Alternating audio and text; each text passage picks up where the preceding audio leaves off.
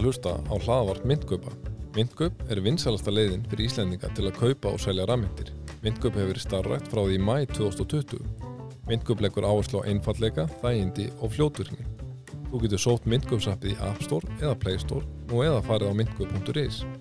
Skráningaferðli er einfalt, þú einfalda skráir þið með rafrænu skilíkjum, leggur inn pening og getur keiftir bitcoin á örfáum mínútum og bæst hann í hóp fyrir en 12.000 Íslandinga til að velja myndgöp sem leiðina inn í hinn spennandi heim rafmynda. Komið sæl, kæri lustendur og velkomin í hlaðvarp myndgöpa. Í dag er sunnudagurinn 18. februar 2024. Bitcoin er í um 51.600 dólarum þegar þessi orð eru töluð og hingað er komin enn og aftur stórvinur hlaðarpsins Björn Harðarsson Sálfræðingur. Vertu velkomin Björn. Takk fyrir kjærlega. Ég uh, verða að fá að segja að um, það er svona, það stóð ekkit endilega til í upphafi að, að, að fá þig alveg svona uh, reglulega en uh, þetta hefur bara mælst það vel fyrir og, og svona samt best að segja bara verið það létt og, og, og skemmtilegt og fræðandi að eins og umbóðsmaður Elvis Presley saði einu sinni að if it works, why fix it þannig að hinga ertu komin og það er tölvöld búið að gerast síðan um, við rættum saman síðast sem var hérna, sem var förstu dagurinn 27. januar 27. januar, það eru cirka þrjáru vikur rétt rúmlega og uh, Bitcoin er búið að hækka eiginlega ákkurat um 10.000 dólara sem er þá nálagt fjórðungshækkun ef við miðum við að það hafi verið 41.000 og, og 600 já. eða 42.000 eða hvað það er við fórum hæst í hvað, 52.700 ég ætla að fá að segja þetta kom mér smáæla óvart hvað þetta hefur verið sko gífulega blugt Já, ég er bara algjörlega samlað því En uh, hvernig líður þau núna? Hvað eru að, uh, hvernig svona hvað ert þú að segja við fólk sem er að nálgast í núna og náttúrulega þú er vantilega að fundi fyrir aukninga á því með þessum verðækunum Jú, jú, fólk er tölvört mikið að spurja, eru við að fara niður eru við að fara áfram upp og svo framvegi sko. þannig að, þú veist, ég veit ekki ég er hérna ég, ég er rosalega einhvern veginn jákvæðar og, og björnsinn, ég einhvern veginn sé þetta ekkit endilega vera fara eitthvað sérstaklega niður þetta kemur alltaf eitthvað niður við erum þetta fyrir grítir hvað já, 70 og 70 eitthvað, já. ekki að fletta því upp bara hérna ég notaði yfirleitt coin market gap það er 74 og ég ákvað bara fyrir þáttin og ákvað ég líka bara svona að kíkja aðeins á að því við höfum talað um þetta að færa eitthvað niður fyrir halfing mm -hmm. þá ákvað ég að kíkja á svona síðustu síðustu búlrun og og það fóru þetta niður hann mikið 2020 eins og við rættið náður mm -hmm. en öðru liti kannski er ekkit eitthvað rosa mikið sem það er að fara niður og jáfnvel bara lítið sem ekkert Já. og svo er bara einhvern veginn landslæðið bara allt annað núna með þessu svona ETF öllu saman að því það, að það sem, sem er áhugavert í þetta við höfum alltaf séð svona príhalving hérna, hérna keislu upp og svo sjáum við auðvitað post-halving kreislu sem er alltaf einhvern veginn verið miklu meiri Mm -hmm. og, og hefur, eins og ég held ég að sagt, hefur spurt mig einhvern mann í, í janúar hvað væru við uh, í kringum halving, þá hefði ég sagt svona já, 35-40 nú erum við 51-6 einmitt, einmitt. og, og, hérna, og þetta er auðvitað bara algjörlega keirt upp af af þessu ETF dæmi öllu saman og, og það sem ég veist áhugavert í þessu sko, að þú ég og margir tölu um það að við myndum fá smá svona töluvert mikið inflow fyrstu dagana Mm -hmm. sem að hérna var auðvitað og töldum vera mikið Mm -hmm. uh, en síðan sko hvað hva var það í síðustu viku sá ég, maður ekki nákvæmlega hvað dag, ætlaði ekki verið svona á fymtudag, þá sá ég að fjórun dögum þá þá vorum við að sjá meira inflow heldur en alla hina 20 dagana undan til samans.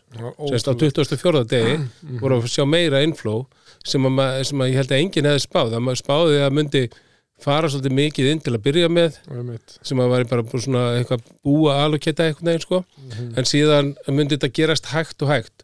Og það sem að menn eru mér að segja að því að þú veist e, hluti af þessu markaði eru svona, svona fjármálaráðgjafar sem munu hérna, hérna að selja þetta.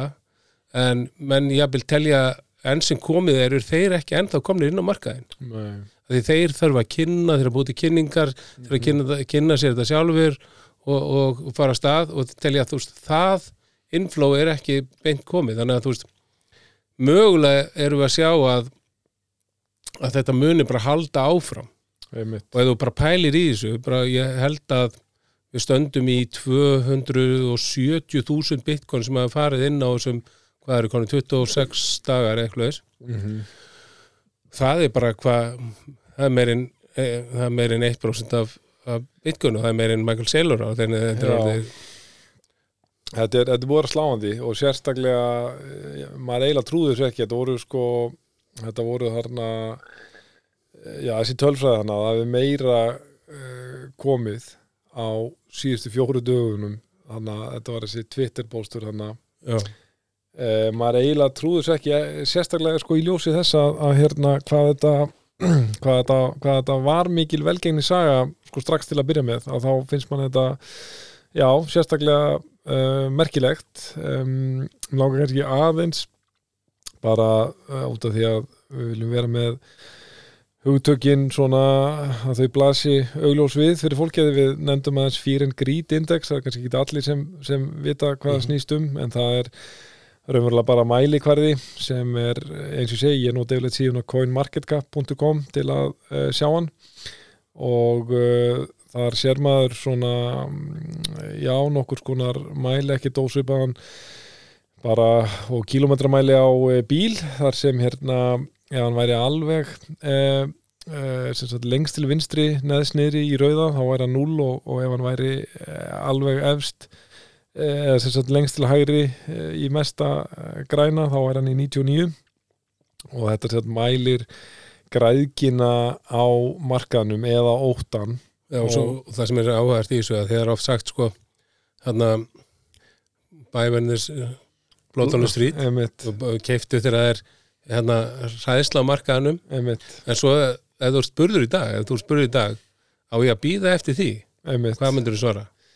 ég, ég legg að ég vann að minna að uh, forðast að svara slíkum spurningum en ég held ég skilji hvað þú, hvað þú átt við sko að hérna Þú ættir allan að erfitt að segja býttu þetta fyrir niður. Já, einmitt, jú, jú, það er alveg rétt. Og hérna, og sko, en það er svona þumalbúta regla ekki satt að uh, að uh, yfirleitt er ekki gott að til dæmis ef menn eru að treyta sko á leverage uh, að þeir sé að fara long þegar það er, sagt, hann er orðin mjög hár menn er orðin mjög gráðir, þá er yfirleitt vísbendingum að sé að fara að koma einhvers konar pullback. Uh, 74 er alveg hátt sem gefur til kynna að við gætum ef við skoðum bara þessa breytu þá gæti þetta verið vísbendingum Já, meða við þessa breytu já, þá ættu við að að vera í hættu að fara eitthvað niður að kemja eitthvað korreksjón allavega.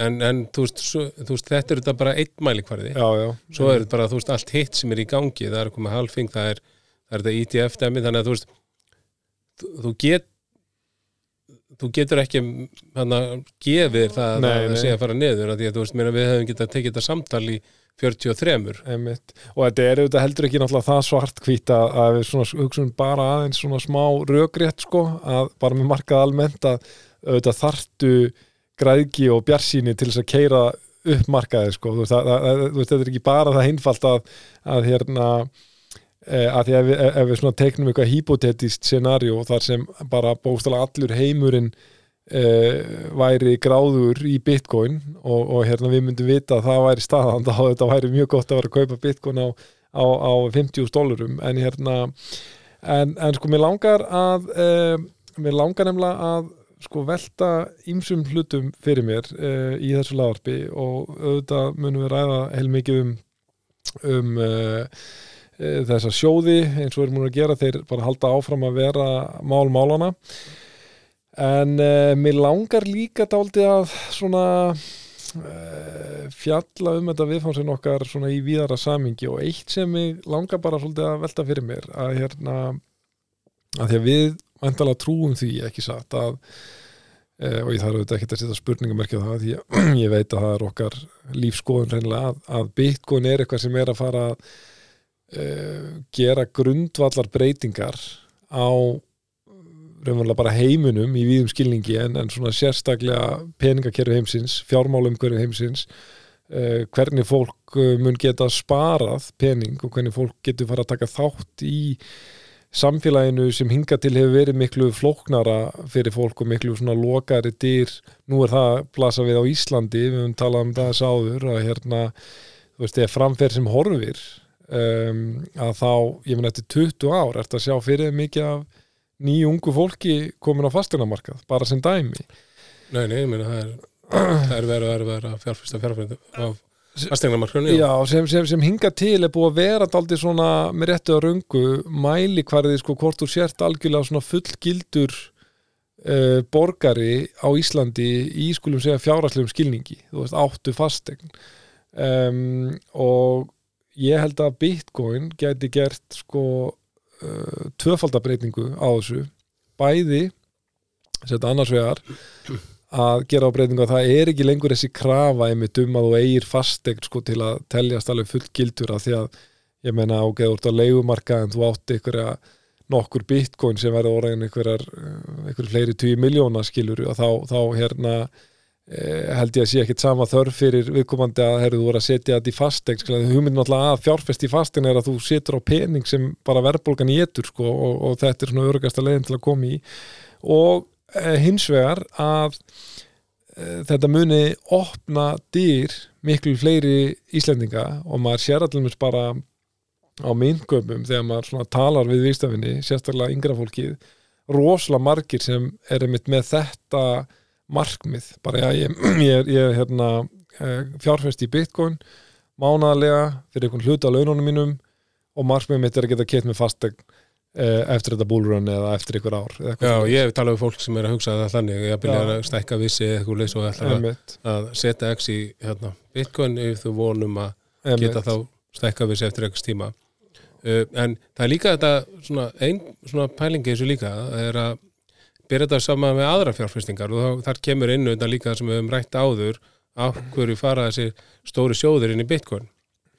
Ég var að skoða það að ef þú skoða hann síðustu sjö árin mm -hmm þá var hérna uh, þá var, hvað segir maður, hagnaður eða, já, hagnaðaprósendan á, á S&P sem er hérna aðal leiðandi hlutabröðistalinn í bandaríkunum já, það var 5,7% meðaltali. Það er ekki meira það, síðustu 7 ár og, og meðaltalið á Bitcoin er 44% á þessum sama tíma já og veist, við erum ofta að tala um þú veist þetta, þessum að fólk er hægt við þetta það keirir svo mikið niður mm -hmm. og þetta er svo, hann að sveifla svo mikið sem er reyndar að hans að breytast mm -hmm. og hann að en, en bara, eins og við hefum talað með áður að summa þess út og horfa á þetta meðaltali er samt 44% þó að við fyrir stundum 60% niður. Einmitt, og 70-80% og þetta er þetta þetta er þetta minga eitthvað leiti mm -hmm. og annað sem ég var hérna að skoða sem var alltaf áhugavert að því að hérna menn hafa oft talað um þetta hvað þetta er hérna, sveiflótt og sveiflast mikið. Og ég bara þetta sama við hérna, Amazon fyrstu árin.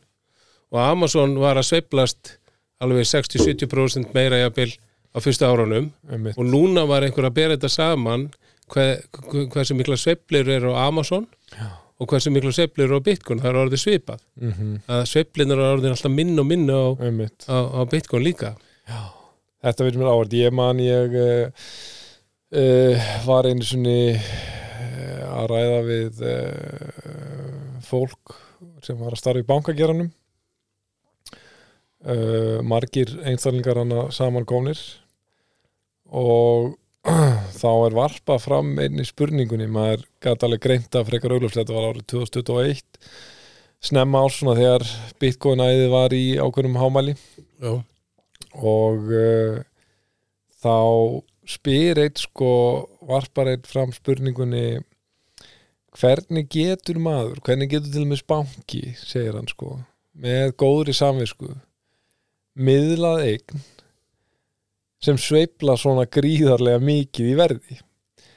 Og uh, ég hef svona alltaf sétt aldrei eftir því sko að hafa ekki geta bent strax á sko, herðu, hérna eru þið ekki að miðla hlutabrjöfum Æsland er sem dæmi? Já, sem fer í hvað 39,6 hérna 2017 og, og fór hérna 2021 eða 20 eða hvað var í 0,75 krónur sko, hvað er það? 90 og- hvað meiri 98% fall sko. Og, og hérna þú veist, bóttalæni er að, að, að það er miklu meiri verðsveiflur á mörgum hlutabrjöfum heldur en einhvern margir vilja eða, eða virðast átta sig á sko.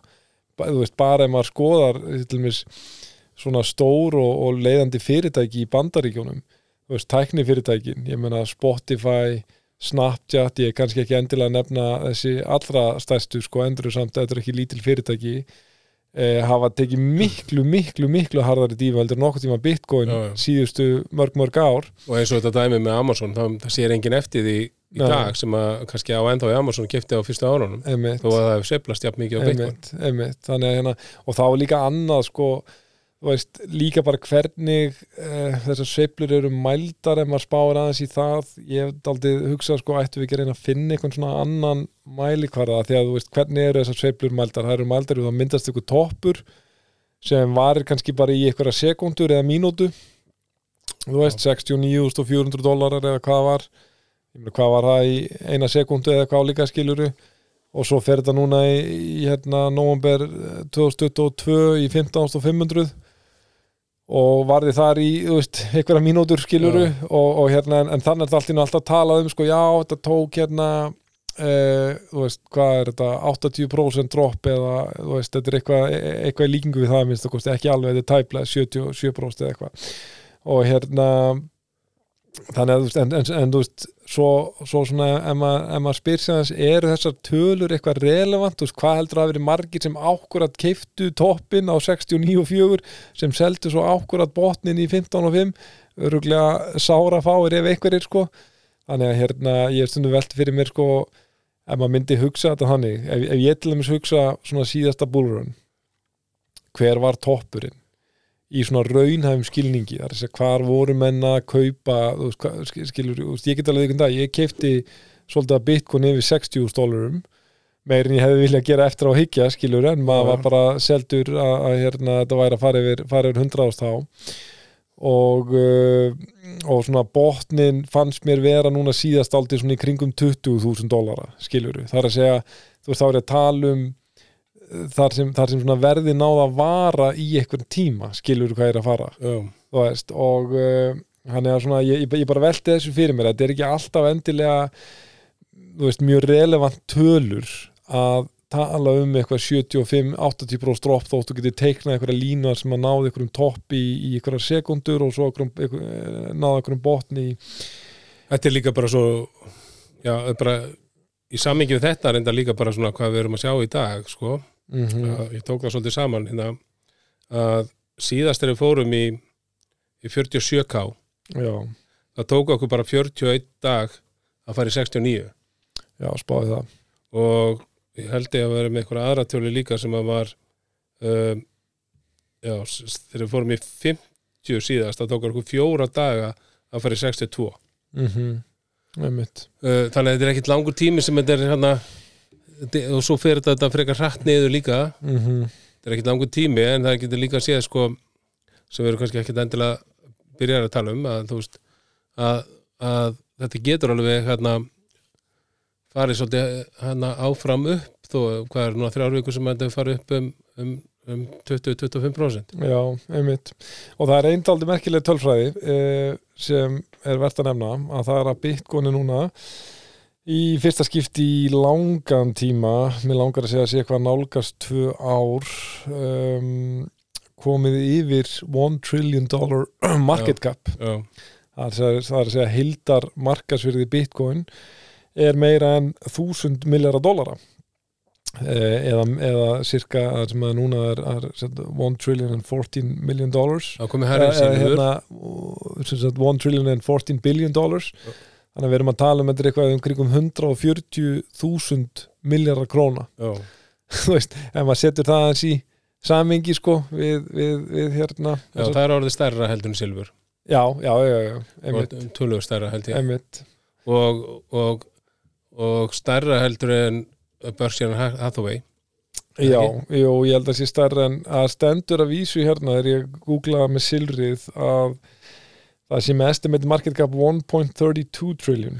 Já, ok, ég fannst ég að sjá það að fara yfir. Það, það getur náttúrulega verið að því að ég hef Silfur er líka búin að vera að fara niður á, á einu ári held ég sko. Já, ég náttúrulega hef reykjum á það þegar ég hef verið að fletta upp sko heildarmarknarsverði silfur sérstaklega að þá er oft aldrei erfitt að finna eh, eitthvað svona akkurat tölu sko. En, eh, en ég verið sjá hérna á nokkrum heimildum að vera að tala um eitthvað rúmlega eh, trillion dólar, þannig að þetta er allavega mjög mjög svipað. En hérna en uh, hvað ert að sjá núna sko, ok, þegar við töluðum hérna síðan saman Björn þá uh, uh, þá höfðum við sem sagt uh, já, við vissum ekki alveg svona hvernig staðan á þessu var að því við höfðum náttúrulega þetta ETF hype var að maður hjælt dálítið að baki við höfðum uh, farið Uh, alveg upp í þarna hvað var það 49.000 dollara eða svo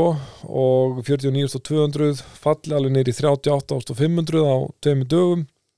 En vorum hann að þeirra áttum þetta spjall svona aðeins uh, þá var Bitcoin aðeins búið að jafna sig og var þannig á í eitthvað kringum 42.000 uh, dollarum en svo eitthvað veginn þú veist að maður myndi halda að minnstakosti sko, þá er þetta alveg gríðarlega uh, sterk merki um hvað það er mikill kraftur á kaupliðinni að meiri sér eftir svona viðburð sem uh, hérna, ég viðkenni bara sko, ég held aldrei að verðum að fara yfir 50.000 mm. á næstu vikum skilur og ekki fyrir halving hef, og, og nei, nei, þú veist, ég held það ekki. Þú veist, ég, ég var enn á því að þetta væri mjög flott verð til að vera að kaupa þú veist, 42.000 skiluru en, en, en þá var ég að meina í þeim skilningi að hérna að þú veist, þetta væri ekkert að fara eitthvað mikið neðar en þetta og þetta væri bara svona gott svona eins og er kallað svona accumulation uh, price sko, bara þú veist, vera að svona DSA kaupa regla á þessu verði. En svo uh, keirum við hérna vel yfir 50.000 eins og ég fórum hann í eitthvað 52.800 eða eitthvað álíka. Og, og 50.000 er auðvitað sko svona mjög svona sálfræðilega já, já, svona viðmið að við höfum séum búin að halda núna í nokkra daga yfir, yfir 50 er mjög gott. Það er, það er rosalega stert og, og ekki bara sálfræðilega heldur líka bara ef maður skoðar sko sagt, uh, allt voljúmið eða öll veltan sem myndaðist hérna í síðasta bólamarkaði á þessum verðum frá svona 50 til 60 þetta var rosa, hérna ég er ekki með eitthvað nákvæma tölur yfir það núna hérna, en ég er bara svona að byggja á minnu mínu. Mér fannst maður að vera rosalega mikið margar vikur uh, á þessu verðbili 50 til 60 þúsund Já. dólarar þannig að þetta er líka við erum komin inn á svæði sem maður myndi halda að bæði sé mikið resistance og svo sem hægt var að breyta í, í, í, í, hérna, mikið, mikið, mikið support af því að núna er eh, rosa mikið af fólki eh, fyrst að komast í plus núna sem var að kaupa í síðasta búlmarkett Já, en ég held að sé samt, þú veist, núna er það komið upp í þannig að 80% af þeim sem hafa búin að eiga bitcoin í meirinn 6 mánuði er í plus. Já, já, ég meina það er bara það er ekki verið að skilja já, já, já, já, ég myndum að ég vil halda að væri herra því að þú veist, þú spáir í það þú veist, þeir eru einu sem eru þú veist, hvað ég segja ok, auðvitað náttúrulega eru náttúrulega skekki myndina náttúrulega margir sem hellingur liði sem geti byggun í 10 dólarum en er í mínus að því að það var í alls konar treytum og, og, og sko þannig en ef við tökum þá út fyrir sig að þú bara hugsaður um þá sem hafa keift og átt e, þá er umlega einu sem eru ekki komnir í plus þeir sem keiftu á hærri verðum þetta og keiftu aldrei þú veist á lægri verðum sko. Já, já, já, já. og uh, Það eru bara þeir sem keftu hérna, já. hérna í lokin Í- á- einmitt, og, og, og, og bara fóru genum allan bermarketin á þess að bæta við. Og það er auðvitað nokkri til þannig sko en, en, en, en þeir kannski eru ekki margir því að mjög margir sem, sem sagt, keiftu og ákvaða að halda í bermarketinum að þeir svona flestir eh, myndi maður halda að hafi bætt við sig sko. Þú veist, auðvitað er margir sem kaupa og sem háa verðum og svo selja sér bara út í bermarket og segja bara takk og bless og það er alveg, þú veist, valið sko, en, en, en, en svona að þeir sem hafa kosið að halda um, myndi nú halda að flestir hafi, hafi, hafi bætt við sig en uh, já það kemur líka daldið svona finnst mér sko uh, ég er svolítið fóröðin hvernig þú um, nálgast fólk líka því að, að því að eins og segi við hjá myndgöpum við hefum alltaf verið með svona þú veist nokkuð stránga línur sem við setjum sjálf okkur að við eh, hvetjum fólk aldrei til að kaupa eða til að taka neinar ákvarðin eina sem við segjum en alltaf við förum ekkert lengt með það, við erum gríla hrifnir af bitcoin eh, sem fjárfesting og sem koncept í, í hérna víðari skilningi og hvernig fólk fyrst og næst til að kynna okkur bitcoin. En, en þú veit að hefur svona þess frjálsari hendur um, Ég veist samt uh, Það er alltaf erfitt að segja við ykkur að sjálfsög að Undanferðan daga hefur margir verið að spyrja mig sko. Já. Mér finnst bara að því að þú veist, fólk eru ofta að hugsa á ég að fara að setja allt sem ég ætlaði að setja inn núna eða og ég að býða og allt þetta. Mm -hmm. og, og ég get rosa lítið sagt sko, mér að stundum bara einfaldast að ef þú ætlar að annan bara að gera þetta, gera þetta bara núna. Einmitt. Að Því að þú veist að mín reynsla er að oft býður fólk um, í X-tölu, við um, talaðum um þetta held ég áður og, og svo fer það inn í ykkur fómói þegar það er búið að hækka um 10% síðan það ja. var að hugsa um að fara inn sko. og, og, mína, og ef við skoðum bara, bara þú veist að þið úrst að pæli hvernig þetta lítur út þetta lítur rauninni bara maður vil stundum ekki vera of í ákvæðar en við bara, bara skoðum bara staðarindir þá lítur þetta bara ótrúlega vel út bara við töluðum hérna um OTC-desk síðast mm -hmm. og bara séðan við og, og, og vilt útskýra OTC-desk aftur sko þá, þá er það sem er bara flestir þessi svona ETF-ir sannlega að kaupa þarna sem hefur ekki beina áhrif á markaðin ekki beina áhrif, en hefur þetta áhrif á markaðin eða sjá það er að kaupa að það er alltaf að lækka og það heldur áfram að lækka síðan viðtöluðum saman síðast mm. hvað er mikið frambóð þar Einmitt. og hvaðan kemur frambóðið Fram, fyrst voru þess mænirannir frambáða kemur fyrst uh, mest held ég frá mænirannum og ég var að skoða tölur frá eignum mænira því ég man eftir í síðasta búlurni um mörg af þessum hérna, keirslum niður sem við sáum í síðasta búlurni mm -hmm. voru þegar mænirannum voru að selja mm -hmm. en það, ég held að, að mænirar eru ekki búin að vera með einst lítið af bitcoini á balansítinu sínu, sínu síðan 2021 þannig að þeir eru búnir Einmitt. að vera að selja töluvert. Þannig að þú veist það, það held ég að sé mjög jákvægt að því það þú veist þá að því þú veist það er ekkit rosalega mikið af þessum uh, sem er búin að vera lengi í þessu sem er að hugsa um að selja núna. Nei. menn er að hugsa að selja eitthvað mann seint á, í búlrönninu uh, mænar eru búinir að vera að selja. Einmitt uh, OTC-deskin eru að minga mm -hmm.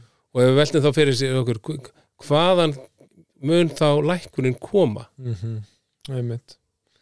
Já, það og er það er auðvitað eitthvað svona já, já. við getum talað um hana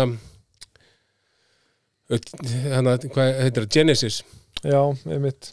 Þeir eiga 1, hvað sæði 1,6 miljardar Bitcoin. Í, í Bitcoin. 1,6 miljardar dólara í Bitcoin. Í Bitcoin og það er verið að tala um að þeir sé að fara að selja núna á næstu dögum já. eða fljótlega uh, menn segja að þeir munir svo, svo sem seti þetta svona rólegin og mjög grunar að það fari gegnum OTC líka ef við setjum það aðeins í samingi ég verða vikni en ekki kynnt með Genesis allt og vel en, en þetta var svona staking uh, plattform ekki satt uh, fyrir það var meðal annars uh, kaupillin Gemini Já. sem vinkulósbræðinir reyka þeir voru með sitt staking uh, program í gegnum þá. Já, þeir voru ykkur í svona s- s- samvinnu með það. Já, og það er þetta frækt í þessu, þessu sem er að fylgjast með þessu að, að, að, að vinklóst tvíbrönda sem eiga Gemini mhm. voru svolítið að ganga á það og að, að, að bæta fyrir þetta þegar þeir fóru í þrótt sko. Að því það er, það er þetta, ég man ekki hvaða fyrirtæki er sem á,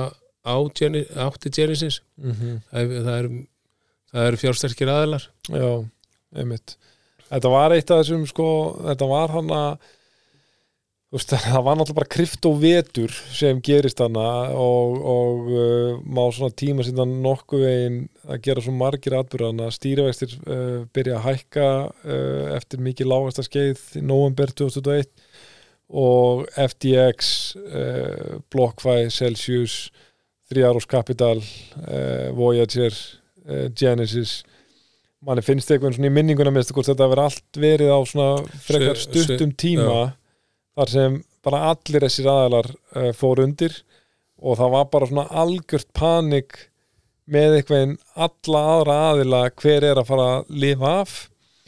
Og uh, þú veist þær voru að keppast við að hérna, sína fram á eignir sínar sko, til að halda vistafinnum rólugum Krist.com var að gera það og, og Binance var að gera það og, og, hérna en það verðist vera að uh, það er kannski ekki miklar áhyggjur fyrir hendi ennþá að það sé einhverjir sem svona hvað sé að rótin epli eftir að koma í ljós. Ég held að það sé orðið aldrei erfitt að ímynda sér að ef þú ert búin að lifa af þennan kryptovetur og verðið er komið eh, á þennan stað sem að komi núna bitcoin og rafmyndum þá er þetta aldrei erfitt að ímynda sér að einhver sé að fara á hliðina í viðbútt það, það er erfitt að sjá það þó að menn sé alltaf eitthvað svona velta fyrir sér. Meina, ég hlusta á viðtal við Arthur Hayes um daginn sem er nú svona, svona OG í krypto heiminum sem að hvað, hann var nú með einhverja kaupöll á sinn tíma ég man nú gegnumblinginu Nei, það skiptir ekki allir máli hann vil meina að það er eftir að koma eitthvað stórt.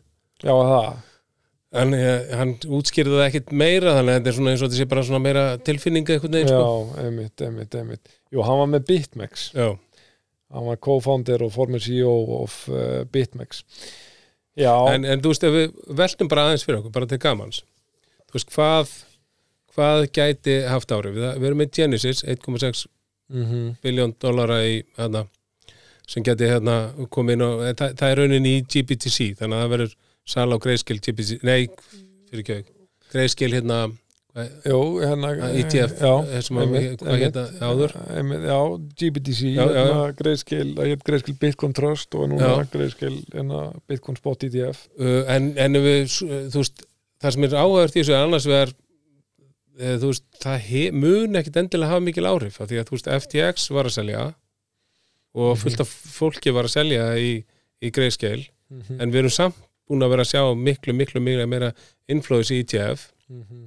þeir munu gera þetta einhverju, svona, einhverjum tíma og vantilega fer þetta bara inn í einhverju leiti e, þessi önnur ETF með tímanum sko Mhm.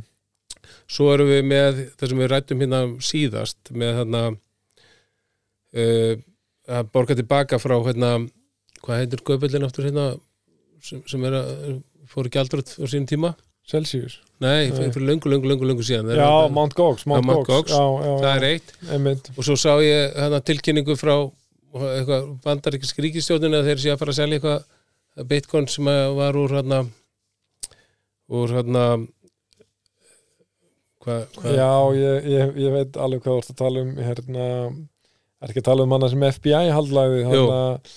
Og í hérna Já, eh, sem, hann, sem hann var hérna vinkulósbræðinu líka sem voru að fjárfesta í kaupöllinni eh, ég, það stól úr mér en eh, en, en, þetta, en, en það sem er svo áhugavert alltaf þegar þú fylgist með fréttum að því að þú veist í gegnum tíðina þetta bara er alltaf þannig að fréttir hafa áhrif og stundum hafa fréttir meiri áhrif heldur en raunvöla það sem gerir síðan sko. Mhm, en það er oft talað um það í, í hérna bear market þá bregst hérna verðið ekkert við hérna góðum fréttum nei, og í bull market bregst verðið ekkert við slæmum fréttum. og, og, og núna síðustu daga er þetta Genesis frétt búin að vera að, að koma fram og það hefur, engin áhrif veitum að það er engin áhrif sko. Þannig að svona til að mm, draga aðeins saman sko, þessi svona sjónarmið sem þú ert að reyfa erna sem gætu bent til eh, komandi lækunar að þá er þetta aðalega einhvers konar svona, þetta eru þrótabú einhvers konar svona aðilar sem eru að e, fara ráðast í einhvers konar uppgjör á sínum eignum sem getur verið að fara að selja út. E, þetta er svona aðal e, svona svartir svanurinn sem þú ert að sjá. mér finnst þetta ekki beint vera svartur svanur Nei, nei, svartur svanur er eitthvað sem kemur allt í einu og er, hefur já, mikil áhrif einmitt. ég hef ekki mikla trú á þessi þessi hlutir sem við erum að telja upp hérna muni hafa áhrif. teljandi áhrif Nei, ég held að það sé rétti ár. Það sem ég kannski vil nefna eh, ef maður ætlar endilega vera alltaf að, að, að ljá þessum eh, sjónamiðum vægi sem, sem gætur eitt til lækunar. Ég bara spyr mig með eitt sko. að, að því að við höfum ekkit fengið mörg sell-off í þessu rönni núna upp frá hvað ég var að segja, bara botninum henni í november 22, 15 og 5 og núna alveg upp í 52 það er ekki búið að koma mikið af einhverju dömpi. Það er búið að koma svona annars slæði eitthvað 10% og þú veist, 5-7% eitthvað svoleiðis. Eh, 20% koman um daginn en, en, en, en, en, en öll eigaðu það samilegt þau ekki haldist lengi niðri. Og þá bara velti ég fyrir mér sko allir voru að koma inn á þessum verðum sem setja núna um að þú komst inn að þú kefti botnin segjum 15 til 17.000 dólar eitthvað svo leiðis að þá setur þú á 200% hagnaði núna frá því verði sko. Þá bara velti ég fyrir mér, þú veist, er ekki á einhverjum tíma, tímabúndi slíkur einstaklingur eða aðili að fara í hvað að selja, ég veit það ekki. Já, þú veist bara til að vera á hinum pólunum þá, þú veist, Já, ég, já, ég, er ekkert endilega ósamlega en ég mun langar að prófa að vera á hinum pólunum og hinn pólun segir, ok um, hverjir eru þetta sem að eru búin að vera að kaupa á þessum verður sem hún segir? Uh, það eru það eru einhverjir sem að eru að kaupa og eru ekkert endilega að fara að selja. Við einmitt, tökum bara þetta ETF dæmi einmitt. þetta eru ekki mikið svona, örugglega svona speculated trade þetta er bara, þeir eru að fjárfesta. Um, það eru einstaklingar sem búin að vera lengi á markaðanum Mhm. og, og bara velt þú þið fyrir, þú þekkir já, já, og segjum að þú keiftir núna í þarna 17 mhm, mundur vera að selja núna þekkjandi halfing og hvernig hækkunin er og hvernig er lækkun og svo framvegs væruru að selja núna ef þú þyrtir ekki á peningunum að halda? Er ekki eina fólki sem er mögulega að selja það er þeir sem að þurfa peningin um, að því að þú veist ég held að sé líka þannig að, að það er ekkit rosalega mikið af einstaklingum sem voru kefti í 17, 20, 25 sem að þekkja markaðin lítið. Nei, aldrei sé alveg, alveg, alveg hárið eftir aður sko, mjög lítið.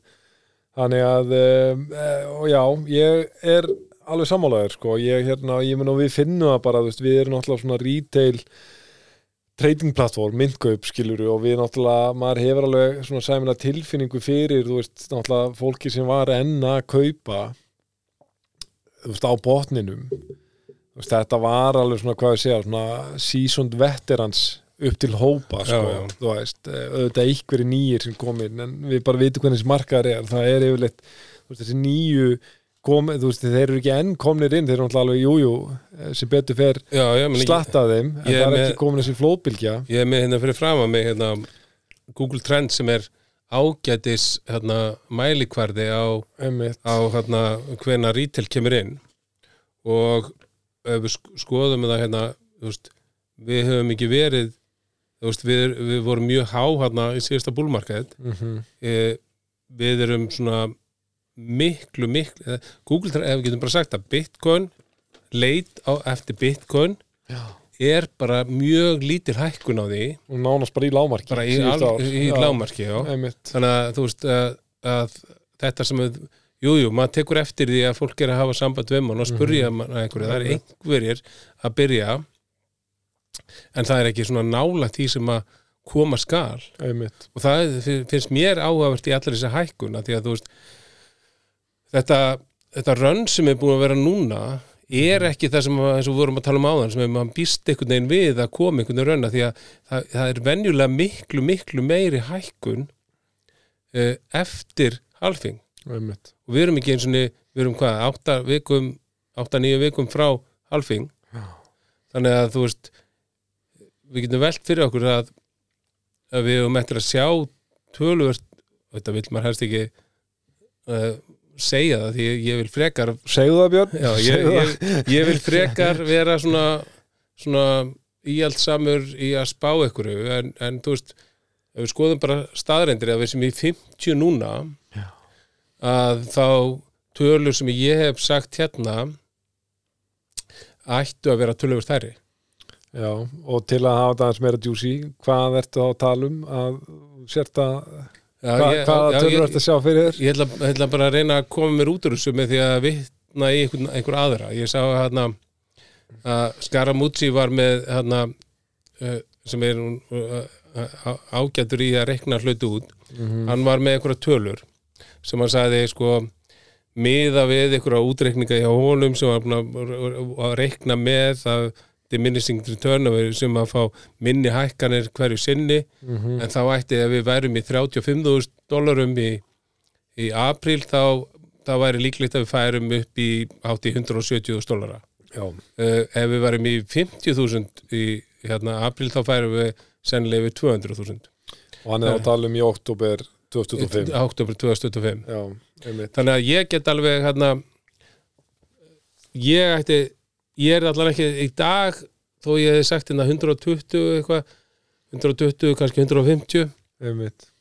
þá trúi ég því alveg það sé alveg ef þetta heldur svona áfram ef að þú veist að kemur ekki eitthvað í bara í fjármála heiminum eitthvað, eitthvað sem áhrif eða eitthvað í þess öllu svartur svanur eitthvað sem við vitum ekki. Einmitt. Þá get ég alveg séð okkur fara alveg, ég er það ekki hissa að þú farum í 200 Nei, nei, en myndi ég ráleikja þér að býða eða þú ætlar að selja í 200 einmitt, Nei, ég myndi örugglega segja þér upp úr 100 myndir ættur að fara kannski að selja eitthvað hluta sko. Og hvað skiluru uh, þú veist, einmitt þar svona kemur þetta daldið inn á þú veist, eins og ég allavega ef ég svona byggi bara því sem að maður er stöðut í samtali við fólk uh, sem er að setja peninga í bitcoin og er að teikna upp gameplan uh, margir sem að vera að kaupa hérna alveg undir 20 og kaupa, voru að kaupa mikið 20 til 30 kaupa slatt í 30 til 40 og búin að kaupa slatt í 40 til 50 og þeir eru núna svona ok, nú er ég búin að koma mjög miklum peningum í bitcoin á verði sem ég er ánað með, gott kaupverð. En þeir eru náttúrulega í þeirri svona pæling ok sko á einhverjum tímabúndi þá er náttúrulega að hugsa þú veist, ég er búin að setja nógu mikinn pening í þetta. Auðvitað eru sumir sem er ekki þannig þeir eru bara meira, meira, meira, meira. Og uh, þú veist uh, það voru í síðasta búlmarked ég var hann í sjálfur og ég vildi svona eftir á higgja maður hefði hann slakað á þú veist, eftir, eftir 40-50 þúsund en, en maður steg bara á uh, bensingjöfun en, en uh, allt, er þetta, þetta lærdómur og þetta verður nú að, að uh, eins og bara Bitcoin hefur kent manni að maður þarf þá bara að býða lengur býða eftir næsta cycle ef maður, maður svona kaupir einhvern, tímabundin topp. En En þeir standa frammi fyrir samt sko uh, þessum spurningum, ok. E, þeir trúa því þetta sé að fara eitthvað vel yfir 100.000 þú nefnir 200, maður heyrir hann í tölur maður heyrir 150 uh, svona mörg svona stock to flow módel er að gera ráð fyrir ekstra bílnu 120 til 200.000 ég þarf auðvitað að fara varlega þegar ég er að tala um svona verið tekka fram að ég er ekki með neinar spár, ég er bara að miðla því sem svona uh, almennum sjónamiðum held ég að megi segja þegar Já, kemur, að, já. kemur að verðum. Þetta er ekki einhverjar, spár sem eru teknar úr hausnum á mér og hérna teku þetta fram að ég hef ekki hugmynd um hvað verð á Bitcoin gerir. Uh, en, en, en sko þá kemur þessi spurning ok. Ef þú trúir þessu þú veist, hvert er þá ef, ef, ef, ef ég spyr þig bara persónulega þú veist, þú er búin að vera að kaupa og hérna þú, þannig að þú myndi þá halda skilur í 90.000 að þá er enda á samt heilmikið uppsætt eftir. En væri gameplanið þetta að halda áfram að kaupa? Ég, ég myndi halda ef ég væri þú sko, jável þóttu haldir að, að hérna, uppsætti sé ennþá mikið eftir Mhm. að þá ertu svolítið, heyrðu, nú er ég komin á hliðalínuna og nú ætla ég aðeins að sjá hvert það fer og, og fara svona undirbúa mitt exit plan uh, eða hvað. Já, sko, ef þú ef þú ert með exit plan ef þú, þarf að segja, ef þú ætlar að selja sem er ætla bara ekkert að selja einmitt, að þá myndi ég alltaf segja þér bara, þú veist, búði skjál mm og á, takti einhverja ákvörðum ertu með einhvað plan, -hmm. að því þú ert ekki með neitt plan þá þegar að fer upp í þetta hundrað eitthvað, Mm þá ert alltaf þá segir alltaf að það fer hærra, ég ætla að býða þannig ég myndi segja bara settu þér hérna, eitthvað plan og ekki endilega plan að þú fyrstulega þar ætlar ekki kannski ekki endilega að selja allt. Einmitt, og öðrulegi þú ætlar ekki að selja allt í einu. Einmitt. Þú setur bara plan einhvern veginn þannig að segjum að þú ætlar að selja 10% í 100 20% í 120 og svo koll á kolli. Einmitt, og þá getur þú líka bara selt eitthvað á leiðinni niður síðan sko. Um, og þegar við töluðum saman hérna mann einhvern veginn var í fyrsta þættinum þá sagði ég örgulega þú veist að þú ættir að hafa plan um að að selja í hérna cirka svona hausti 2025 Mhm. ég er svona aðeins búin að vera að hugsa þetta og hérna og ég manna í þeim þætti töluðum við líka hvernig verður þetta þetta búlrun og og ég sagði örgulega 60% líkur á því að það mun vera fram að þessu hausti 2025 Mhm. uh, sagði að það væri kannski einhver einhver smá líkur einhver, líkur á því að þetta er því bara áframhaldandi eða við skoðum bara gull þegar gull ETF kom þá var þetta bara svona nánast upp í átta ár, það er alveg séns líka. Þá er þetta í svona já, theories. Sem ég finnst alveg mér finnst alveg möguleiki ef maður horfur á það en ég, þarna, ég held að margir sem brendir á því að vera að hlusta á menn segja það í- síðast, sko, það voru mjög margir að segja það síðast. Svo þe- þeir byðu með að selja og, og margir voru að hugsa um að selja í 100 og svo, svo gerðist allt þetta. Eðlilega hefðu við átt að fara í 100 ef, að, ef að þetta hefði ekki hérna, orðið öll þessi Einmitt. en svo var einn möguleiki sem ég nefndi hérna var að þetta væri stittri ringur og ég fór svona fyrir þáttinu og fór ég aðeins að skoða það. Og það virðist vera að þegar maður skoða síðustu búlraun að þegar við náum síðasta all time high sem, sem er þá 69.000 og eitthvað Já, já. að þá eru strax eftir það eru 12-13 mánuðir Mhm. í það að við náum þarna all time high aftur og byrjum að fara niður Einmitt. þannig að ok, gefum okkur það að, að segjum bara eitthvað segjum bara að við förum bara fyrir halving núna í 69.000 sem virðist ekkit vera útilókað ekki, alls ekki er bara, bara setjum upp það svona, Mhm. svona scenario að við ferum bara, segjum bara í, í, í apríl þá, þá förum við Í 70.000 na- dollara. 70.000 dólara Já.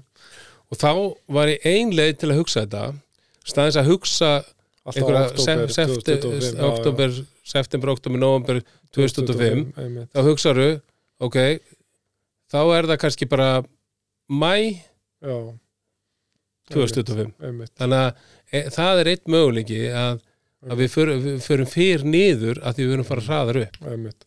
Og það eru þá þessi náttúrulega ETF sjóðir sem eru að breyta leiknum. Að þeir eru bara að keira svo rosalegt fjármagn inn sem, uh, þú veit, ég held að núna líka, við erum svona algjörlega komið með staðfesting á því að áhrifin af þessu spot ETF þau eru mjög, mjög, mjög raunveruleg. Já, já og, miklu meira en við áttum miklu von á. meira en við áttum vona á. Sem, sem er ótrúlega með að hvað var mikið hæp þá er þetta samt meiri áhrif heldur en við áttum vona á. Ég meina þeir eru búin að kaupa ég þór ekki að fara með það, ég var með þetta hérna, var að skoða þetta bara rétt á hann það er 270.000 bitcoin. 270.000 bitcoin sem eru komni með. Veist, þeir eru komni með meir en 1% Já. af öllu heildarsuplæðinu, þeir eru komni vel yfir MicroStrategy sem er Michael Saylor uh, fyrirtækið og þetta er innan við 30 dögum sko. Þetta er ótrúlegt og, og hérna þannig að þeir eru búin að kaupa nála því 300.000 bitcoin á, á innan við mánuði já, og sko, þú veist, Michael Saylor er búin að vera svona leiðandi bitcoin bull síðan 2020 og búin að vera að kaupa bara eins og brjálæðingur og þeir keira fram úr honum hana á einhverjum dögum. Veist, sem, er, sem er ótrúlegt sko. Og, Og- virðast, virðast að jafnvel eitthvað merkjum það að þeir sé að fara að gefa í. Og það, það má alveg velta einu fyrir sig bara þess að kannski skiptir kannski ekki öllu máli en velta fyrir sér að þessi stóru aðilar sem að er að fjárfesta í ETF hafa mögulega verið margir hverjir að fjárfesta í Bitcoin óbeint hinga til. Eh, þeir fjárfesta í mæningfyrirtækjum þeir fjárfesta í MicroStrategy mm Michael Saylor og þeir fjárfesta í Coinbase eða eitthvað svoleiðis. Að það sé mögulegt að, að einhvað af þessu inflow séu aðeila sem eru búin að vera hvað að segja, eina gæsalappa í Bitcoin Já, já, einmitt, einmitt. Um, Já, þetta hérna, að því mér finnst áherslu líka að ræða sko um svona gameplan fyrir einstaklinga, að því að það er það er viðfánsefni sem sko hefur tekt bara svona okkar ístafina flóru, fólk sem hefur samband. Og margir náttúrulega maður er bara búin að kynast þessu fólki í gennum árin. Að það eru margir að velta þessu fyrir sér. Hvert er gameplan, er ég vel að spyrja mig oft persónulega, hvert er gameplan hjá þér og svo framvegis?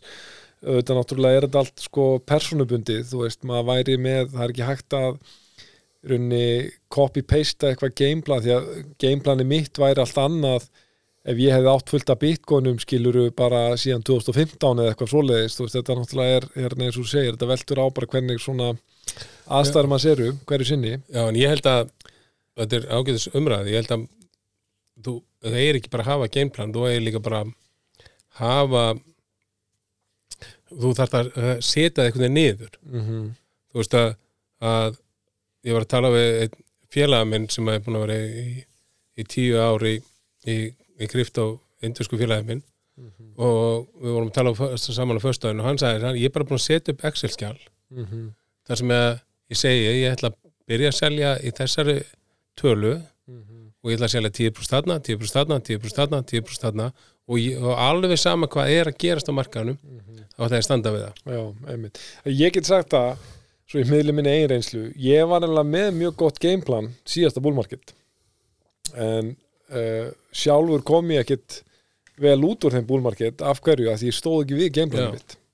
Að- varstu að- með gameplani skráð niður eða varstu bara með það í höfðinu? Ég var með það í höfðinu. Já, ég held að þú er að skrifa það niður. Já, ég held að sé, sé rétt hjá þér ég man bara og, og þú veist ástæður að ég hvað ég segja, ég er í einhverjum bömmir yfir þessu þannig, þetta hefði alltaf verið gaman að vera uh, spila þetta rétt en, en, en, en hérna lífinu svo það er og maður er áfram hérna um borða á, í réttu lestinni að ég man það voru margi vinni mínir sem við vorum með svipa gameplan, við byrjum að kaupa undir tíu úst uh, snemma árs 2020 um, það leitir sem minnkum fyrir loftið um mæ 2020 og við vorum bara búin að negla niður heyrðu, 50.000 dólar verð er að fara að gerast 2021 og þá verður gott að selja.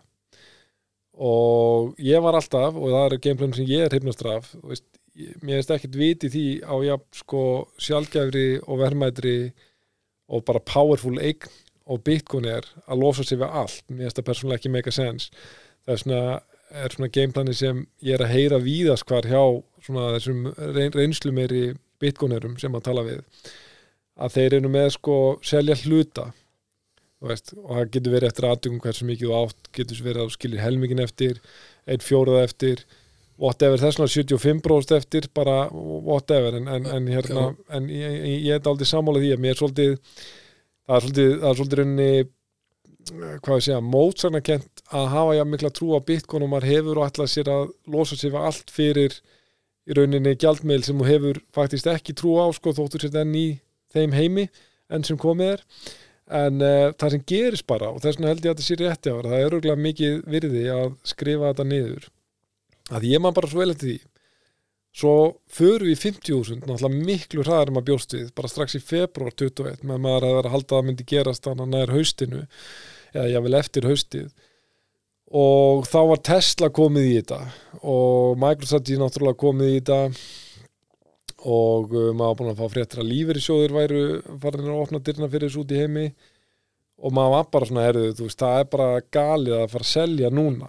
Já, uh, það er eina viti að kaupa meira núna svo það var það sem maður gerði það því að maður sá þetta alltaf fara yfir 100 jafnvel, þú veist, það voru menn byrjað að tala um 300 skilur, City Group var nú bara með skýslu þar sem þeir voru að gera það fyrir 300 dólarum þannig að maður hugsa okkur, það er allavega safe að býða eftir 100.000 Þú veist, little did we know að við vorum hana bara alveg ná- nála tófnum og ég er alveg örugur á því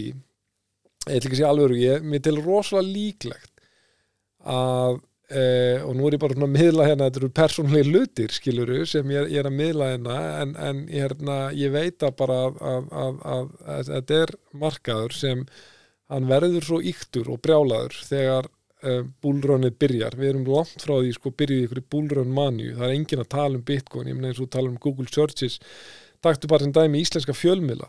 Það verður engin minnst á það að bitcoin sé komið í 50 dólara fyrir utan jú Snorra Másson sem við hérna erum stoltir af því að, að vera að uh, auglýsa hjá því ágæta platformi uh, sem er með hérna svona góða, góða frétta þætti að ég held ég fara rétt með hann er eini íslenski fjölmiðlin sem hefur haft orð á því að Bitcoin sé farið í 50 dólara og sé komið trillion dollar market cap það er svolítið sérstætt sem er, að, þú veist, ég meina það er bara ótrúlegt, þú veist, það er bara hérna, það er eitthvað veginn og ég held að þeir byrja ekkert að taka við sér, það mun örgulega koma einhver svona smáæli frétt þegar þegar hérna all time high verður rofið 70.000 já, og svo myndi ég halda að eftir að þetta fer yfir 100 stólara að þá fer allt á, á fullt í hérna fjölmiðlum. En, en, en það sem búndur minna þessi að ef maður er ekki með eitthvað konkrétt gameplan uh, að þá þykist ég bara vita að ég veit að það er kannski aldrei óvarlegt að mér að segja þegar en ég leiði mig bara að vera pínu hérna glanalegur en að segja þegar við brjótum 100 stólara að þá mun myndast svo mikið hæp og svo mikið manja og það er nánast bókað að þá myndu fara að heyra spár og greiningar og jari, jari, jari og einhverja töflur og whatever, einhver mótel sem sína, eiga að sína fram á það að við sem að fara upp 500 dólar eða miljón dólar eða einhverjar álíka fáranlegar tölur. Eins og gerir síðast eins og gerði síðast veist, sem ég að minnsta kosti fyrir mitt leiti ætla ekki að taka marka á. Auðvitað er ekki að útiloka einnig neitt. Ég er full að trúa því að við munum alltaf ná þessum verðum en bara ekki, ekki bráð ekki á næstu árum en, en talað um 2030 þá er komið allt annað þá er ég lópin fyrir, fyrir hérna þannig tölum sko en, en, en í þessu markaði sé ég það aldrei gerast og hef það bara rámt verið með ef, það- gerist. Og punkturinn er þá að eh, ef þú ert ekki búin að niður njörfa eitthvað gameplan og hefur agan þá myndu ekki fylgja því, heldur myndu einmitt hugsa anskotin, ég á ekki nóg. Ég á ekki nóg að bitcoin. Þráttur og sittir á Já. verulegum hagnaði. Já, Þú veist, þetta var hugsun sem, Eh. sem, sem, sem, sem tók yfir mig veist, að ég átti slatta en uh, ég var bara neða anskotin ég á enga veginn nóg. Já, og hérna, ég har bara bætt úr því núna uh, og, og, og kaupa og kaupa og kaupa sem var einmitt gegn þessu gameplani en, já, en, en þú veist fyrsta lagi það voru þetta einleið að selja bara ekki og bara býða og ef, það, ef þú sko ef þú þarft ekki að að Einmitt. halda og hver, E- og ég, segi sko ég er kannski svolítið að miða út frá hvað ég segja, svona dæmikir svona mínum þjóðfélagshópi. Já, 30 pluss einstaklingar e- er ekki endla komin inn á fastinamarkað eða nýkomin inn á hann eða er á leigumarkað whatever, það er aðeins öðruvísi versus aðili sem er mjög fjársterkur og, og, og, hérna, og getur hugsa bara, ég ætla bara að eiga þetta í 20 ár og sjá Já. hvað gerist. Og Ég- það er mjög valið plan. Já, ég skal koma með svona þrjú ráð og eitt dæmi. Mm -hmm.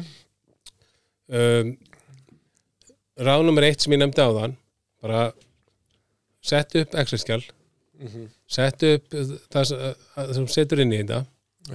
Settu inn einhvers konar gameplan hvort sem þú ætlar að selja þegar það er tvöfaldast eða eða, eða út, út frá ein- einhverju þú veist bara eftir 12 mánuði eftir að við komið all time high eða eitthvað sko.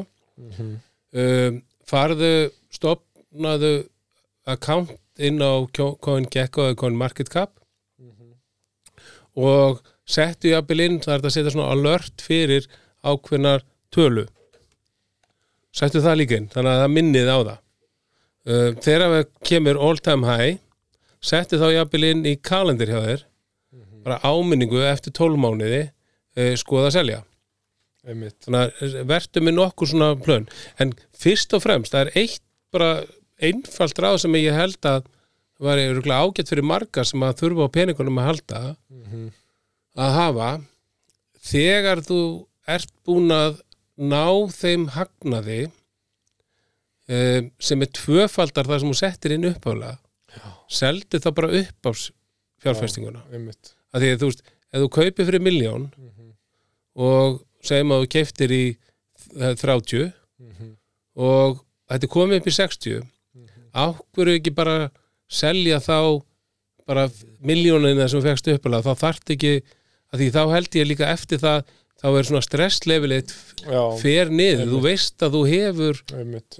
þú hefur henni engu að tapa. Einmitt. Það hefur engin tapað á því að taka hagnað. Nei, nei, einmitt. Það tapar enginn á því að taka hafna og þú getur ekki búist við því að þú munt reikna út þarna hvar toppurum er að, þú veist, maður er alltaf að hugsa þarna við toppurinn, eins og þú sagðir áðan svo fer það upp í x tölu þá segir það verður meira. Já, já, og þú sérð allar sem frétti, það munu allar koma. Þú veist, um, þú veist þarna Ka- Kathy Wood Arkin West segir að það fari í miljón dollara í 2030 já, hún segir eitthvað, ég man ekki hvort hún sagði 6 eða 700.000 er svona svona, svona mínumunum eitthvað sko. og ef þú ert að hlusta mikið á þetta Mhm. þá myndu ekki selja. En þú veist, þú getur þetta byðið og það gerist kannski. En, en þú getur þá, allan að selt upp á hana, upp á töluna þína, ok, það fer eitthvað meira upp. Þú er samt búin að taka það út. Ok, segjum það fer þessu síðan niður. Ok, Einmitt. þá getur þú bara sett inn aftur. Algjörlega, já, já, og ég, og ég skal nefna þér eitt dæmi og ég veit ekki hversu dítilar ég á að vera með það dæmi. Um, ég, ég kefti einu sinni í ákveðnu verkefni eh, kryptoverkefni og það var eitthvað svona já, ég ætla bara, ég, á ammal í dag ég ætla að kaupa ykkur og, hana, og ég kefti því en ég hafði reiknað út ég hafði selt bitcoin fyrir það, ég reiknaði vittlust út en ég kefti fyrir tíu sunnum það sem allar að kaupa. Já, tíu sunnum meira. Tölur hátala og, og þegar ég fattaði það þá hugsaði ég, shit hvað að gera þessu á, ég selja aftur. Mhm, nema það að þá þá ákvaði ég að ég setti þetta inn á, á CoinGecko og ég setti inn alert fyrir því að þegar það myndi tvöfaldast mhm, þá ætlaði ég að selja upp af við. Mhm, það sem gerðist það tvöfaldast á einu mánuði. Mhm, og þá bara stóð ég við það, ég hef búin að ákveða þetta seldi ég það, en ég hugsa alveg að það getur nú alveg farið einmitt. Og það fór miklu, miklu, miklu, miklu, miklu já, en síðan fór núl einmitt, og þú ert þannig að vísi Terra Luna. Hefur kemur Já. greina. Og Terra Luna það var meira ruglið maður. Þá að því ég hefði bara, ég fannst þetta bara frábært konsept Mm. Terra Luna var með semst, hérna, stablecoin sem var byggður á algoritm en ekki bakkar upp að einmitt, og svona allt konseptið í, í kringum það hljómaði rosa vel. En þú myndir skoða sem að maður skoðar sérstaklega eftir á það hefur engin algoritmi, algoritmiskur stablecoin gengið upp hinga til. Einmitt.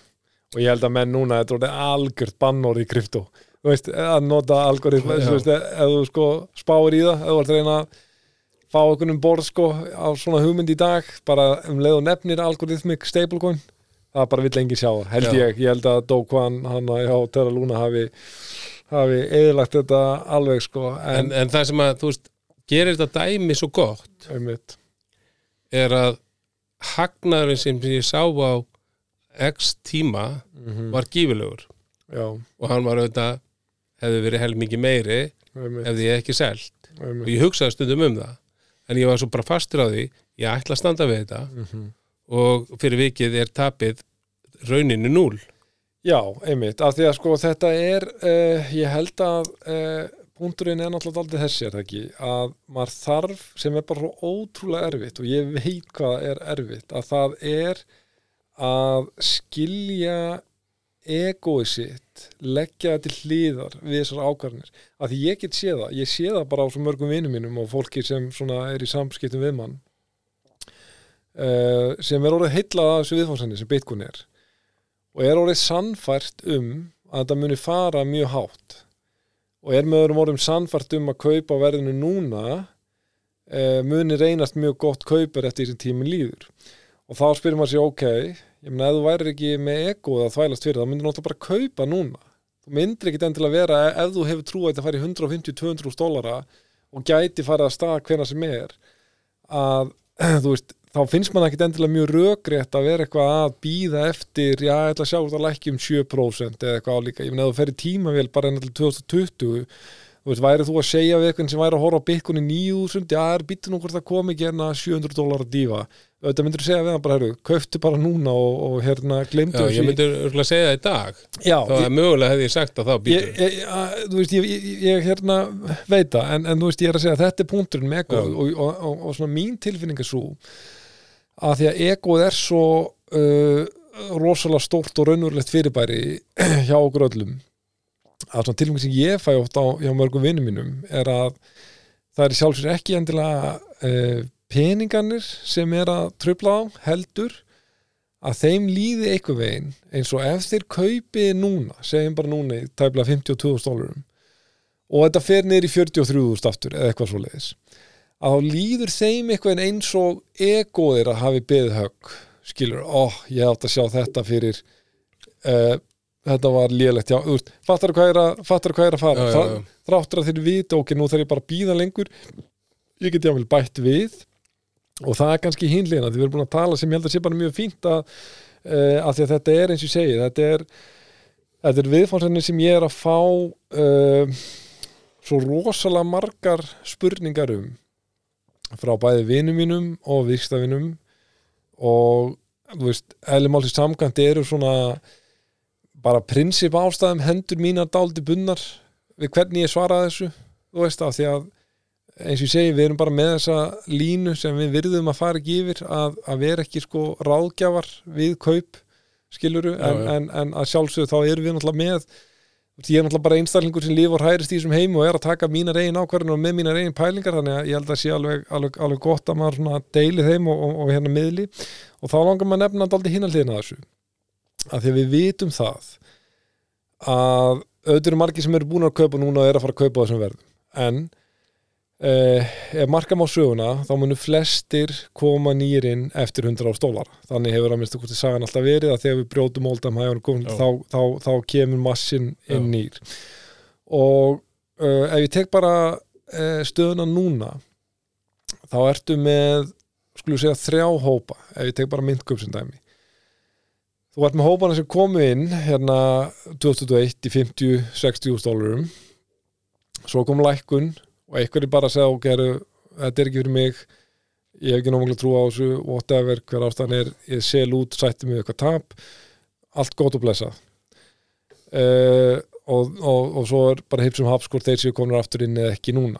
Uh, svo ertu með hópin sem hafði mikla trú á þessu keifti, sá þetta fara mikið neðar og var að kaupa uh, á leiðinni niður og jável náða að kaupa eitthvað nálat botninum og er núna í toppmálum og náttúrulega bara í mjög góri stöðu fyrir komandi búlurinn og svo ertum hópin sem eh, tók ákvörðungi, ég kaupi núna sé þetta fara niður, ég sel ekki en ég er ekki að vera að kaupa meira og er núna kannski fyrst að komast í plus eða, eða hérna nálætt í. Og það er alveg augljóst af þessum þremur hópum hver, er, hver kom best út og hver kom verst út. Verstir kom út sem seldu sig út og hafa ekkert keift, best kom út þeir sem keiftu, heldu og keiftu meira og næst best þeir sem keiftu keiftu ekki meira en hafa, hafa hérna haldið. Og þá langar maður að segja sko, spyrjaði út í að ég einhver kunna hlusta á þetta hlaðvarp uh, eftir marga mánuði. Uh, hérna, um, ég reykjum á það að, margir eru að hlusta í fyrsta skipti bara á, núna um þessar myndir á okkar þætti fyrir löngu, þeir eru að spjalla á Elmar eða hvað það er skilur fyrir ykkur mörgum mánuðum og þá er sem er spurninguna sko, segjum að þú komir inn og kaupir í 140 stólur eftir eitt ár eða hvað það er. Og það var toppur í nálætti um, þú veist hvernig svona að, að þetta er kannski hópurinn sem er núna líklegastur til að eh, hvað ég segja, geta svona komið mjög illa út úr þessu uh, þú veist hvernig, að því að þú veist þú viltu þetta ekki vera þessi hópur sem kaupir á topnum selur í tapi Mm. og, og svo eitthvað veginn nýtir ekkert ekkert tækifærin þegar, þegar, þegar bermarketin kemur sko. að svona ég veit ekki alveg hvernig ég orða þessa spurningu en ég held þú skilji hvað er að fara hvernig svona eh, hvernig nálgast maður andlu eða sálfræðilu hliðina í þessu ferli Já, já, þetta er góð spurning sko. um, Ég heitt alveg fólk sem er kefti nála topnum sko. einmitt.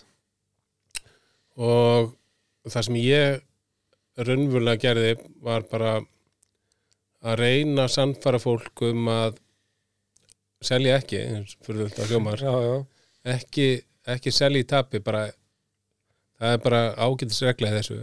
Mm og það sem ég gerði þá líka ég bara teiknaði upp uh, þessa fjara ringrás og ég sagði ok, þetta er erfitt núna mm en þú veist, ef þú bara bara hugsa sem svo þú veist, ok, meðan ég sel ekki þá er ég ekki að tapa.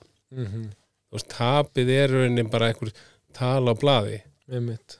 Og sagði bara, þú veist, þetta treystu því bara að þegar að 2024 mm þá myndu fara í pluss aftur. Einmitt og það er svolítið áhugavert að því að ég er búin að vera að tala við þetta fólk uh, síðar, ég man að það var rosa fúlt að hafa ekki selt fyrr og svo lækkaði meira og, sagði, og þú sagði mér að, mm að selja ekki.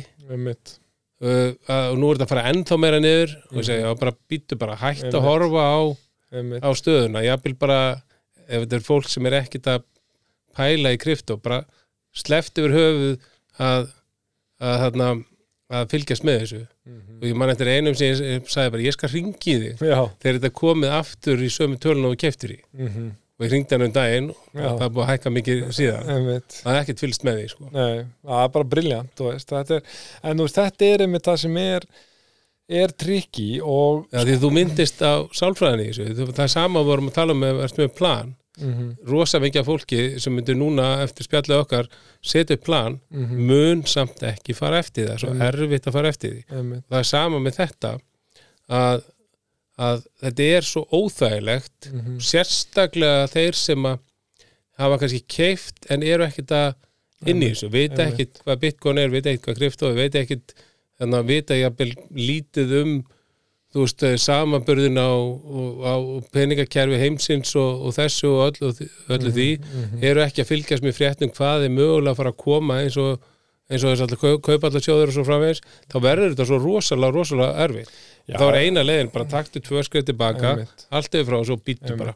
Af því að maður þarf að e, horfast í augu það að það eru bara ekki allir tilbúnir að vera að lesa ykkur bækur eða, eða, eða kynna sér eitthvað grúndíkt sko og Nei. það er bara eins og það er og, og, og, og, sko þá kemur hinliðin e, að því að hún hefndi nú sem er daldið trikki því að því að almennt þá uh, vil maður nú svona vera þannig karakter að maður svona taki ekkert stórar ákvarðanir í sínum lífi og sérstaklega ekki fjármálum uh, nema að við líkurunduðu máli.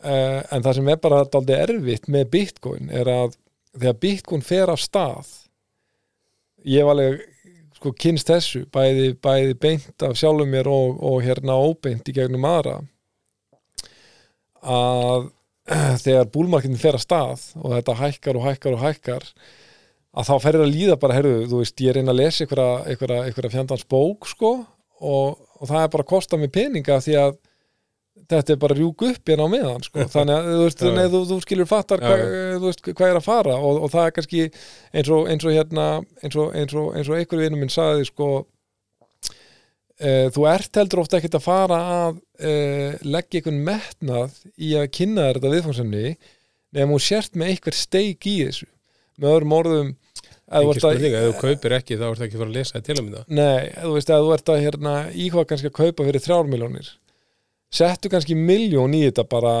þú veist, svona til, til að hvetja til að Já. kynna og líka bara þú veist svolítið áhugavert að hugsa þú veist eins og við sjáum þetta sem stútir þetta svo mikið mm -hmm. þá erum við að sjá heildarmyndina út á hvað það gengur samanbyrðinu við, við fíatkerfi og svo ráðvegs Mm -hmm. það er svolítið áhugavert að ég var að segja ykkur um daginn að ég hef verið í podcastunum hérna.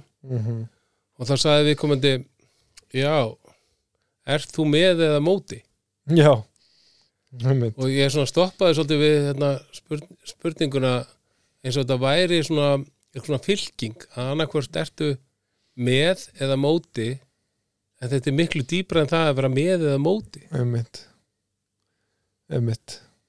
Já, Já. eins og þetta væri bara svona einhver stjórnmálflokkur eða hugmynd einmitt, einmitt. sem að annarkvort ertu fylgjandi eða ekki mér finnst þetta að vera miklu uh, uh, meira heldur en það. Meina, út á hvað þetta gengur og og, og, hana, og sérstaklega samanbörðum bara við peningakjæru heimsins Já, og það sem mér finnst mjög fallegt við Bitcoin og e, að ykkur leiti hefur komið á óvart hvaða hefur tekist vel um, en þó finnum maður samt alveg mun. Það sem ég er að reyna að segja er sko hversu lítið pólitíst Bitcoin er raunverulega, það er auðvitað að segja að sé mjög pólitíst þegar þú ert í þessar Bitcoin búbla því það er alveg staðreind að hvað ég segja, svona þeir sem aðheilast frjálsan markað þeir sem aðheilast svona libertarian sjónarmið þeir eru almennt hrifnari af Bitcoin heldur en uh, skulum segja fólk sem er meira á vinstri liðinni.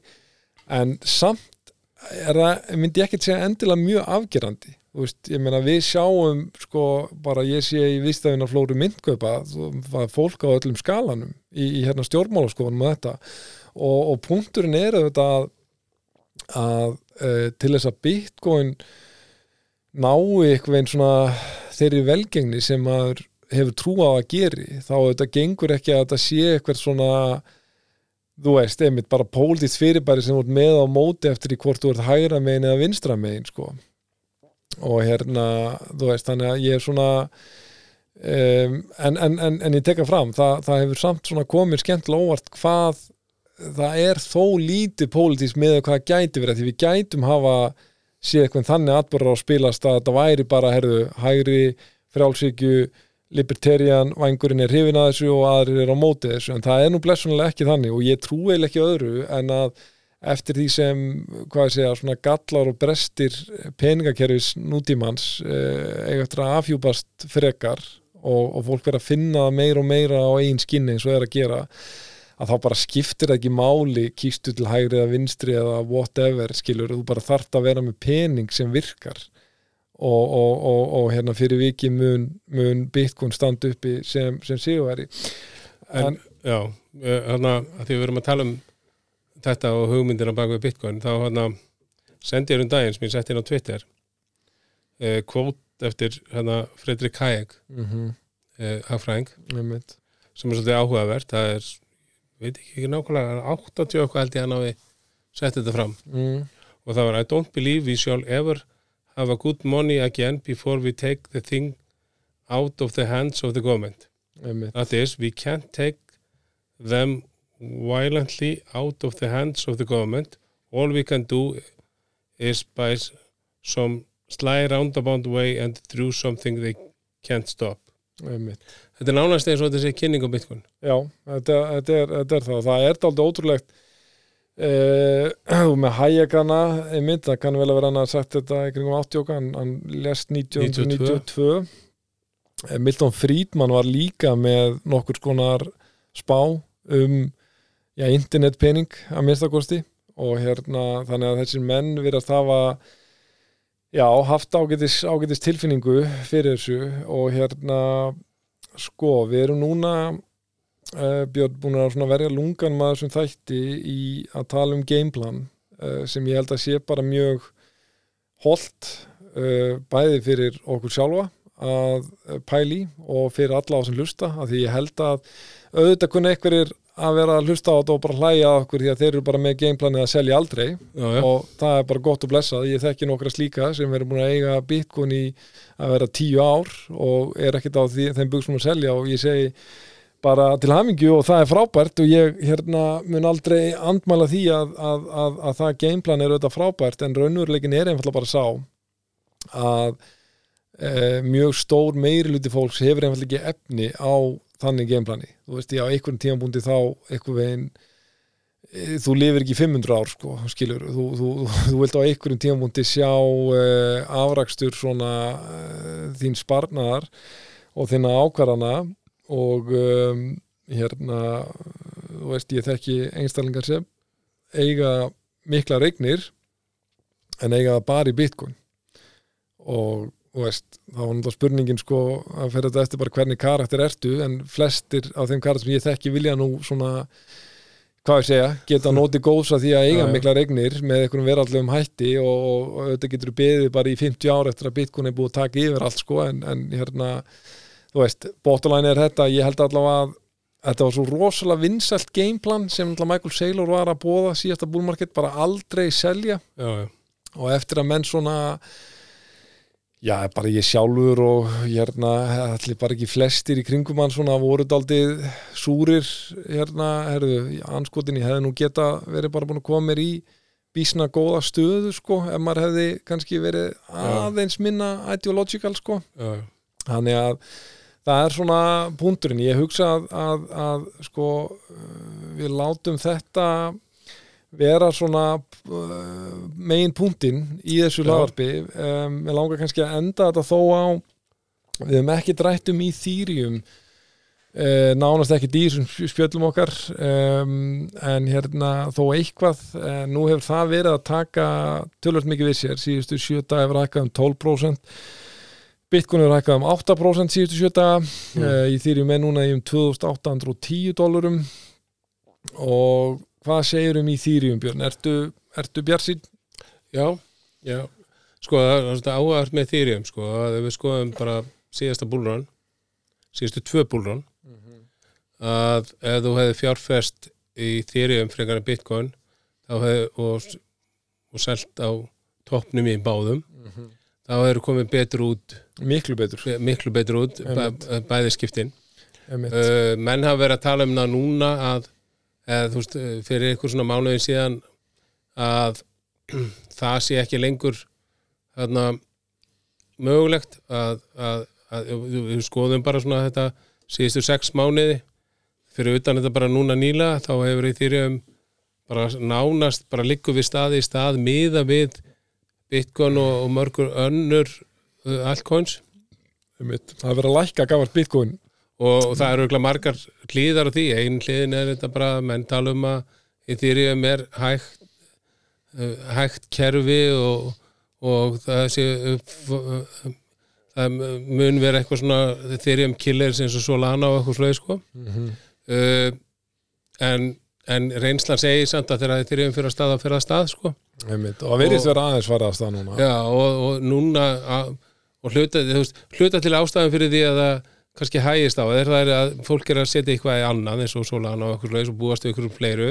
Og svo þetta bara þú veist er mikið af transaksjón á, á, á þeirriðum er í gegnum leir 2 á þeirriðum á þess að við þurfum að fara í þessum verkefni óman á þeirriðum mm -hmm uh, en síðan sko ég myndi halda að þeir hefum getið gert söluvert núna því að þú veist það eru talaðum, við erum búin að tala endalust um þetta í hérna, ETF það eru umsóknurum í, í þeirriðum ETF í gangi hjá flestum þessi sjóðum, ég held að sé já, allavega já, það er já, það er allavega allavega, ég setja eitthvað frá allavega 11, eða meiri mm -hmm að, að sækja um skráningu fyrir með ETF og það er alveg ímislegt sem bendir til þess að þeir eru ætti að fá samþykki sem er rauninni svona sömu rökin og með Bitcoin að, að, að þarna, það, það búið að samþykja future ETF fyrir þeirri um og þá ættir að samþykja það. Svo eins og rættum aðeins um held ég sér þetta það eru líka ákveðin röka móti Já og, og þess vegna sko myndum við segja sko það, það er einhverja dagstýndingar í mæ mm sem eru svona svona líklega dagsýningar en ef við berum það saman með Bitcoin þá svona á svona sveipum tímapunkti fyrir dagsýningunum Bitcoin þá voru við þá voru svona analistar að segja að við erum 90% líkur, 95% líkur að við myndum fá samþykjað Bitcoin ETF núna eru menna að segja 60% líkur. Já. þannig að þú veist það eru meirinn helmingslíkur að við fáum samþykjað Ethereum ETF þá samkvæmt í mæ og það það er örgulega hluta til ástæðan fyrir þetta að byrja að hækka núna. Mm -hmm. en er, ég er ekkert eitthvað rosa hissa að það kæmi ekki fyrir næsta ári. En, en á sama tíma held ég að, að sérstaklega þegar búlránið er virkilega komið á stað þá, þá uh, út frá því að að, að Íþýrjum er að brenna svo mikið af Íþýrjum þegar þegar hana, það er mikið að transaksjón á Íþýrjum og, og þá þá verður Ethereum á, á, þeim tímapunkti alltaf svona deflationin þar að það eru, hana, það eru framleitt farri Ethereum heldur en eru brend eða eitt mm -hmm. Þannig að ég, ég er ég frekar svona jákvæður en ég finn alveg að að fólk er meira skeptist á Ethereum í dag heldur en það var kannski fyrir tveim, tveim árum síðan sko. Já, einmitt. Já, ég held að þetta sé nokkuð svona ja, nærið því sem ég voru upplýðið kringum mig, fólk er spennt fyrir í þýrjum en eitthvað einn bara bitcoin er eitthvað svo miklu meira pjúr og, og solid Já, miklu örugar að fara já, þangað en þetta áttu kannski möguleika að gera meira með því að fara í þýrjum og mögulega núna uh, er ekkit eitthvað vittlust að að fara í Ethereum frekar en Bitcoin að því mm -hmm. Bitcoin er taka meiri hækkun. Endar á síðasta mánu er Ethereum búin að hækka meira heldur en. Bitcoin held ég sko. Já, einmitt Já, Björn, uh, ég held að þetta hafi verið góð yfirferð og uh, ég von og ég mun sannlega svona beina þessu spjalli á uh, þá fjölmörgu sem er einmitt að ræða við mig um uh, gameplan og svona áætlanagerð. Uh, ég hugsa að þetta sé holl hlustund fyrir uh, einstaklinga í, í slíkum hugleðingum og eru við að fara að gera þetta bara reglur eða? Það held ég, ég meina það er bara mælst það vel fyrir og, og, og ég held að jú, ég mun að sjálfsög halda áfram með þessi fréttaorn og, og við munum auðvitað kanna fleiri gesti en uh, ég held að, að það sé eina að þú verði bara go to gestur þessa, uh, þessa hlaðvarpbjörn ef, ef, ef þú andmælir því ekki. Það er bara skemmtilegt. Herðu, þá bara segja kæra þakkir Björn og við sjáum síðar. Takk fyrir hlustununa Takk fyrir